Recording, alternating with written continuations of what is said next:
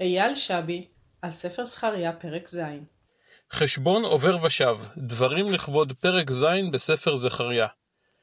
בפרק ז' של ספר זכריה עולה שאלה מפי גולי בבל, שנשמעת די לגיטימית. האם נדרש לצום את צום תשעה באב לזכר חורבן בית המקדש הראשון, לאחר שבית הקדוש ברוך הוא הוקם מחדש, גם אם לא באותם הוד והדר של הבית הראשון? זכריה עונה בפשטות, מצוות הצום לא ניתנה לעם על ידי הנביאים.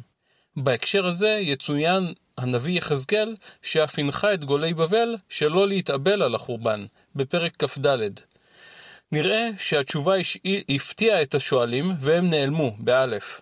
לכן מזכיר להם זכריה את עיקרי המצוות שהודגשו בפני העם עוד לפני החורבן.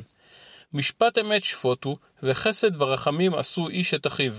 ואלמנה ויתום, גר ועני, אל תעשוקו, ורעת איש אחיו, אל תחשבו בלבבכם. אך עם ישראל אטם את אוזניו, ולא הקשיב לעשת הנביאים הראשונים, ולכן, ויהי כאשר קרא ולא שמעו, כן יקראו ולא אשמע, אמר אדוני צבאות. ואסערם על כל הגויים אשר לא ידעום, והארץ נשמה אחריהם מעובר ומשב, וישימו ארץ חמדה לשמה. אני קורא את הפרק וחש כי הייתי כבר בסיפור הזה. אך הכיצד? מימיי לא קראתי את פרק זה.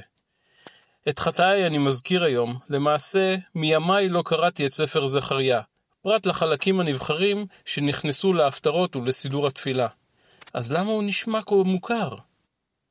אה, בוודאי, עובר ושב, חרשים, זה יוסי בנאי. אני כמעט משוכנע שיוסי בנאי, זיכרונו לברכה, קרא את פרק ז' בספר זכריה לפני שכתב עבור הגשש החיוור את המערכון חסכו ואימצו. לקראת סיום המערכון, רגע לפני שסימנטוב מלול, הטייח, שופך נפט כדי לשרוף את הבנק, הוא מתלונן בפני מועיז פינטו, חברו הסייד. אנחנו נעבוד כמו חמורים, נחסוך, ואז יבואו העוברים והחרשים עם החשקונים ויקחו הכסף.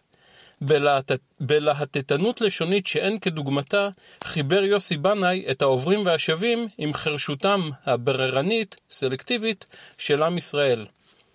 האם ישראל יפקח את אוזניו ויקשיב לזכריה הנביא?